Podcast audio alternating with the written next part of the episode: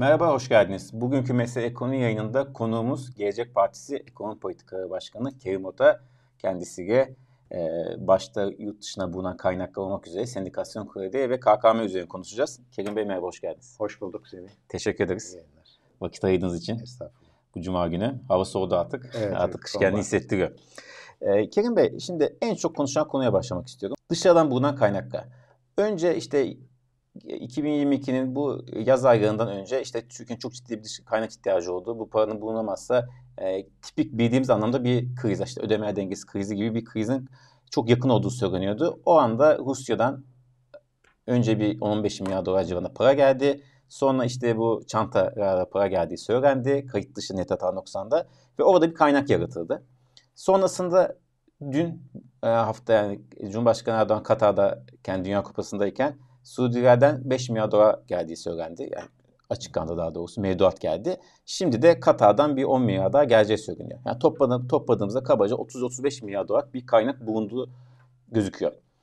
Bu önce bunun hani nasıl bulunduğu işte dış politika veren tavizler onların hepsini bir kenara bırak. Sadece ekonomik açıdan soruyorum. Bu kaynak Türkiye ekonomisinin neyi anlam ifade ediyor? Şöyle aslında bence ikiye ayırmak lazım. Ee, kay, gelen kaynakları ve kullanımını. Ee, ilk olarak Merkez Bankası'nın rezervlerine gelen ile bütçeye geleni bence e, ayırmak gerekiyor. Çünkü ikisinin de siyasi anlamı ve ekonomik anlamı çok farklı. Merkez Bankası'na gelen kaynaklar tabii ki Merkez Bankası'na bir e, rezerv ilave ediyor. Görüntüde e, bir kuvvetlendiriyor ama özellikle yabancı ülke swaplarıyla gelen rezervlerin kullanımının da çok kısıtlı olduğunu biliyoruz. Bunlar daha çok kaydi paralar. Yani senin bende param var, benim sende param var. E, bilgin olsun, bilançonda dursun şeklinde e, ki bir e, rezerv artışına yol açıyor.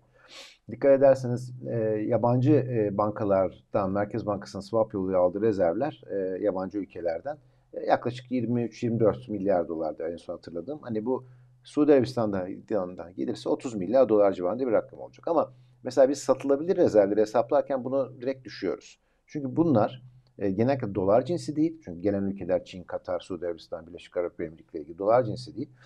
Bu paraları sattığınızda o Merkez Bankası'na e, muhtemelen haber verip ben bunu dolara çeviriyorum, satıyorum, kullanıyorum mu da söylemeniz lazım. O yüzden bunlar biraz daha e, vitrin süsü demek daha doğru olur.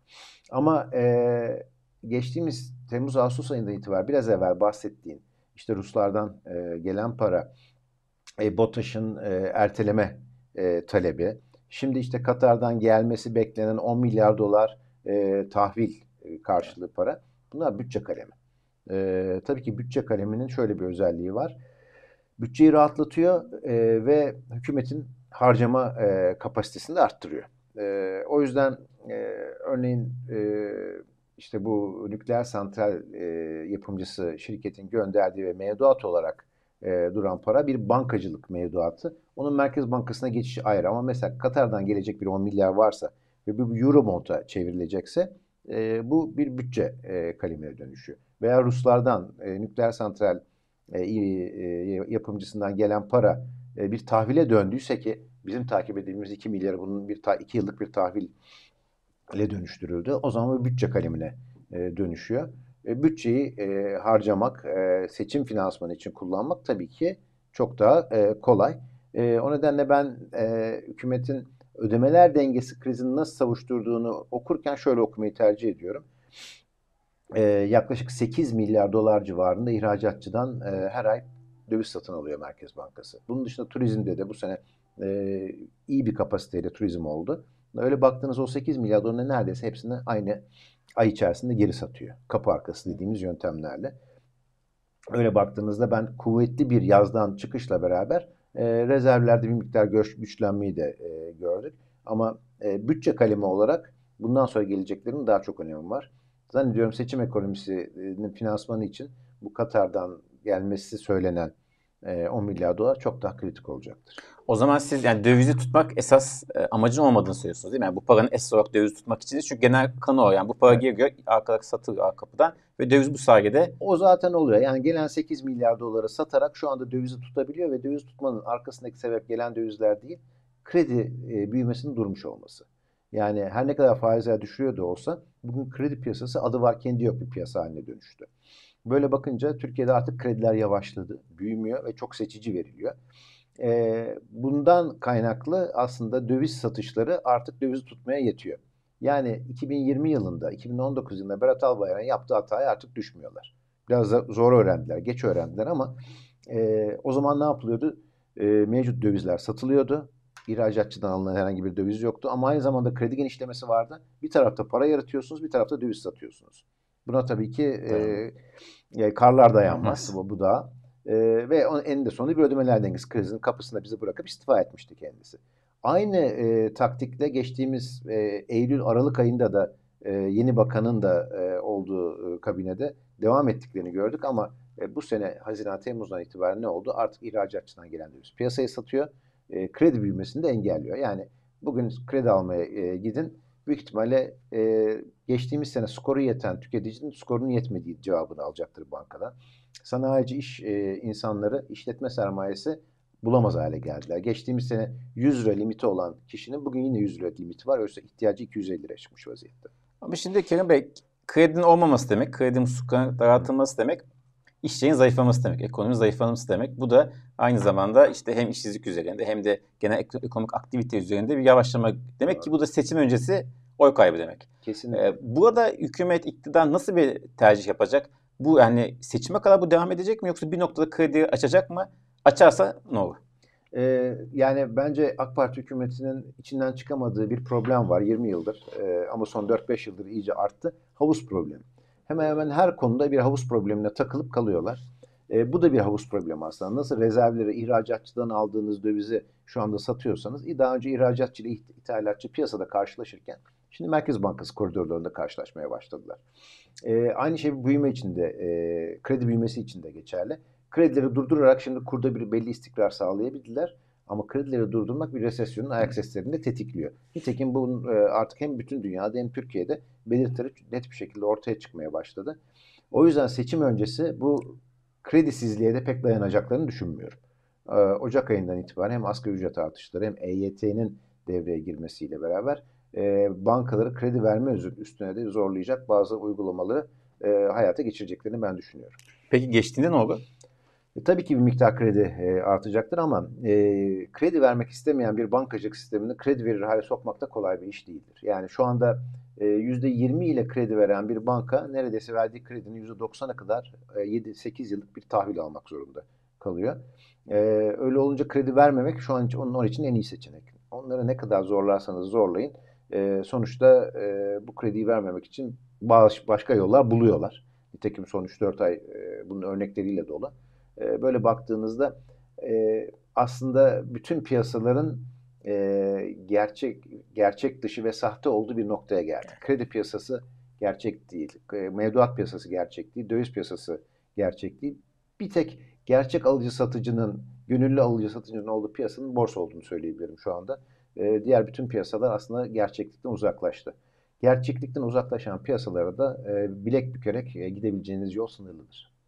Peki mesela biraz e, senaryo üretiyoruz ama kamu bankaları üzerinden çok e, inanılmaz bir kredi kampanyası başlattı. Tam özleri çok karışamadım ama 3 tane büyük kamu bankası var. Farklı yollardan da yapabilir.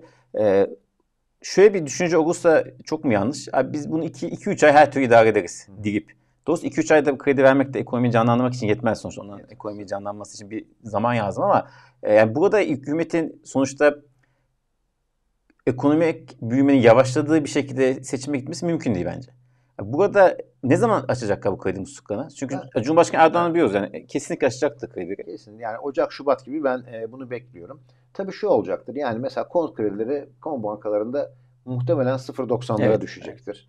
Evet. E, ama alabileceğiniz konut kredisi miktarı ne kadar artacak bu önemli. Yani e, bugün 250 bin liranın üstünde hiçbir e, kamu bankasından konut kredisi kullanamaz evet. haldesiniz. Bu İstanbul'da hani artık bir 1 artı bir dairenin neredeyse 7-8'de bir onda biri ne ancak finanse edebilir. Dolayısıyla teknik olarak ev sahibi olmak için bir kredi kanalı mevcut değil. E, ya bu kredi kanallarını sınırını çok yükselteceksiniz e, ya da hani bu faizleri düşürüp o e, sınırları tutuyor olacaksınız. Bence bu sınırları çok e, yüksel, yüksel, yükseltme yönünde bir irade sergileyemeyecekler. Öyle mi? O tabela faizleri orada duruyor olacak ama ticari e, ve işte kobiler için olan kanalları genişletmek için daha çok gayret sarf edeceklerdir. Peki o zaman Orada bir dövizde yönelme bekliyor musunuz? E, bir parasal genişleme oldu. eşittir dövize yönelme olur. Yani bu e, bence kaçınılmaz. Zaten e, yani bizim hayatımız çok pahalılaşmış olsa da Türk lirası oldukça değer kazandı. Bugün üretici fiyatları endeksine reel olarak baktığınızda 2017 Ocağı geri dönmüş vaziyette. Yani bir ihracatçı 2017'nin Şubat'ında bugüne göre daha rekabetçiydi. E, o yüzden işte 22 olsun, kur 23 olsun diye demeçler başladı. Ama bunun da sonu yok yani. İhracatçıyı mutlu edecek enflasyon. kur e, enflasyon yaratacak. Daha sonrasında o enflasyon e, kuru daha çok değerli hale getirecek. Mühim olan enflasyonla mücadele edebileceğiniz ve kur istikrarını sağlayabileceğiniz e, bir dönem yakalamaktır. O da böyle 3-5 ay değil, 2-3 yıldan aşağı olmamalı. E, ondan sonrasında her şey yerli yerine oturur. Peki son olarak bu bağlamda şeyi soracağım. Şimdi e, dediğiniz gibi rekabetçi yani kurun rekabetçi azaldı. Türk lirası değerli reel olarak. E, bu ihracatçı kötü etkiliyor. Ama aynı zamanda ithalatçı da olumlu etkiliyor tabii Evet. ki. E, burada da cari açık sonuç çıkıyor. E, şimdi ücret zamlarının olduğu işte krediye nispeten gevşetildiği bir ortamda ve seçime giden bir ortamda iç tüketim artacaktır muhtemelen. Bu da ithalatı arttıracak. İhracat da bu döviz kuruyla rekabetçi azalıyor. O zaman cari açıkta ne yaşayacağız? Ya cari açıkta eğer petrol fiyatlarında keskin bir düşüş e, olmazsa bizim cari açık hikayemiz 2023'te de devam edecek görünüyor. E, ve bu daha çok Merkez Bankası rezervine ihtiyaç demek. E, ve e, daha çok e, Merkez Bankası'na akacak e, döviz havuzuna ihtiyaç olacağı demek. Dolayısıyla bu işi de yine e, hani mutlu etmek için yola çıktıkları ihracatçıya düşecek iş. Yani %40 olan hatta %40 ila 70 aralığında olan e, Merkez Bankası'na döviz bozdurma yükümlülükleri e, tekrar gözden geçirilebilir böyle bir durumda. E, cari açıktan bu anlamda bu modelle veya bu girişimle bence kurtulma e, imkanı Türkiye'nin zaten yok. Yani enflasyona çok ciddi bir mücadeleyi e, ajandasına koymayan bir Türkiye'nin cari açıktan e, bence der başı dertten kurtulmaz. Şey diyor değil mi Kerem Bey? Yani tek tek konu çözme şu anda ekonomide ihtimal yok. Yani bir cari açığı çözelim ve enflasyonu çözelimden ziyade topyekun bir çözüm lazım değil mi? Tabii yani bakın geçtiğimiz Eylül ayında yeni ekonomi modeli diye yola çıkıldığında cari açığı çözme e, şeyiyle, mottosuyla çıkmış bir girişimdi bu. Model diyemiyorum. E, ama bu girişim zaten geçtiğimiz Aralık ayında kur korumalı mevduatın ilanıyla bence çökmüştü. E, böyle baktığınızda şu anda e, yani e, başarı nerede elde edildi diye baktığınızda bir şey bulmakta ben e, çok zorlanıyorum. Yani e, Merkez Bankası faizi 9'a inmiş olsa da enflasyonumuz %85, üretici enflasyonu %150. E, cari açın e, geldiği yer belli. Enflasyon beklentisi ve enflasyon dinamikleri de çok hızlanmış vaziyette. E, böyle baktığınızda yani tek bir şeyi düzeltmekle yola çıktığınızda büyük ihtimalle onu da düzeltemeyip diğer her şeyi de bozuyorsunuz. Bozuyorsunuz. Evet madem KKM dediniz KKM'den devam edelim. KKM'de bir ilk yaşandı. Neredeyse bir sene olmak üzere KKM'nin başlayalı. Az kaldı yani. Kaç hafta kaldı. Ve ilk defa düşüş yaşandı KKM'lerde. E, kur koruma mevduatta. Şimdi onun sebebi belli. Dövizin sabit kalması. Evet. E, hiç oyna neredeyse hiç oynamıyor döviz. 18 62 63'te şu anda dolar TL kuru. E, siz bu KKM'den çıkışları, KKM'nin azalmasını niye bağlıyorsunuz da onu herkes biliyor ama getirecek sonuç ne? Yani bu azalış devam edecek mi? Devam ederse nasıl etkiler ekonomiyi? E, tabii kur korumalı mevduat e, yapan müşterilerin bir yarısı, hemen hemen yarısını aslında Türk lirası mevduattan buraya geçtiler. Bir yarısı da döviz mevduatlarını bozdurdular. Zaten döviz mevduatını bozduranlar Merkez Bankası üstünden yaptılar. Diğerleri e, hazine üstünden. E, TL'de olanlar zaten bizim bildiğimiz Türk lirası mevduatı seven e, müşterilerdi. Şimdi e, bu getirilerin dövizde azalmasıyla bahsettiğiniz gibi Türk lirası mevduatta da aslında e, ehven işer faizler oluşmaya başladı. Bugün e, cebinizde anlamlı bir para, anlamlı derken 300-500 bin TL'den bahsediyorum. Olan mevduatı olan birisi artık e, 24, e, 23, 24 Türk lirası mevduat faizine alabilir hale geldi. E, Merkez Bankası faizi 9, Türk lirası mevduat faizi 24, e, enflasyon 85. Yani yine koruyacak bir şey değil ama e, KKM'de hiçbir şey kazanmamak veya %15, 12, 13 kazanmaktansa e, buradan 24 kazanırım diye bir oraya bir kayış var. E, borsaya bir miktar giriş olmuştur ama burada net girişe bakmak lazım tabii borsaya. Yani çünkü borsaya da hisse almak için gidenlerin karşısında bir de satıcı var tabii ki. Dolayısıyla borsadaki net varlığın e, artışı kadar da bir kısım oraya kaymış olabilir. Ee, peki o zaman KKM'nin de bu hani çıkışın olması şeye bakına pozitif mi? Yani sonuçta çok ciddi bir yükü var KKM'nin. E, hatta 4 numara grafikte onun şeysi de var. E, bizim işte arkadaşlar. e, ve faizle göre kıyaslaması. Siz de paylaşmışsınız zaten Twitter'ınızda. E, şimdi bu pozitif bir şey mi? Yani yükü yavaş yavaş alacak ve KKM kendi kendi misyon tamamlayacak mı? Bu yönden sevinebilir miyiz? E, hayır. Yani mümkün değil. Şimdi 70 milyar doların üzerine çıkmış e, önemli bir e, hazineye e, yük e, yükleyen bir açık opsiyon bu. Yani e, son 3 ayda kurların sabit kalmasıyla insanların KKM'den çıkacağı ve ondan sonra hayatına Türk lirasında devam edeceği gibi bir varsayım çok iyimser bir varsayım olur. E, bu özellikle e, önümüzdeki seçime kadar belki bir miktar bu şekilde düşmeye devam etse de bu 60-70 milyar dolarlar oldukça önemli tutarlar. Türkiye'nin bundan mutlaka kurtulması gerekiyor. Kurtulurken de buradan tedrici mi kurtulacak yoksa bir günde mi e, bu işten çıkacak? Bunun planlamasını da yapması gerekiyor. Belli ki AK Parti hükümeti planlamayı yapmıyor. Zaten vadesini uzattılar. E, ama e, şu an e, hani çok ufak olan çıkışları bir düzeltme olarak bence kabul etmek lazım. Bu büyük bir sorun olarak hem kamu maliyesinin üzerinde hem de finansal piyasada üzerinde durmaya devam edecek. Ya bakıyor kendi kendine bitecek bir şey değil yani. Değil. Kendi kendine. Çünkü hani hükümette şey de var e, faiz yani işte pardon döviz kuru sabit kalacak. Bir süre sonra insan oradan çıkacak ve normal mevduatta devam edecek yer yollarına. Ama öyle bir şey Ama zor mevduat e, şu anda enflasyonun 60 puan altında bir mevduattan bahsediyoruz. %24'e çıkmış olsa bile. Tabii tabii. Peki buradan sonra şunu sormak istiyorum. Sizin de geçmiş tecrübeniz yani çok yoğun olduğu bir şey. Sendikasyon kredileri. Şimdi çok konuşuluyordu. Hükümetin iktidarın bu konuda bankalar üzerinde baskı kurduğu ve sendikasyon kredilerine devam etmeye, şu kapatmak isteyen bankaların olduğu da söyleniyor. Çok konuşuluyor. Şimdi genel olarak kamu özel bankalarda %60 civarında diyebileceğim sendikasyon e, çevirme oranları var. E, bu ne demek? Şimdi öncelikle sendikasyon kredilerine e, miktarsal olarak e, büyük bir anlam yüklendiğini söylemem lazım. Yani artık Türk bankacılık sektörü veya Türkiye ekonomisi içinde sendikasyon e, kredilerin tutarları e, çok büyük değil. Yani böyle 10-15 milyar doların içinde e, bir finansmanı bu kadar anlam yüklenmesini çok doğru bulmuyorum. Ama sinyal etkisi olarak da e, önemlidir. Yani şu e, yüzde kaçla e, borçlanırsınız ve ne kadar döndürürsünüz çok yakından takip e, edilir. Hatta yani ilk sendikasyon vadisi gelen bir banka vardır. Herkes o bankayı takip eder yüzde kaçta çevirdi diye.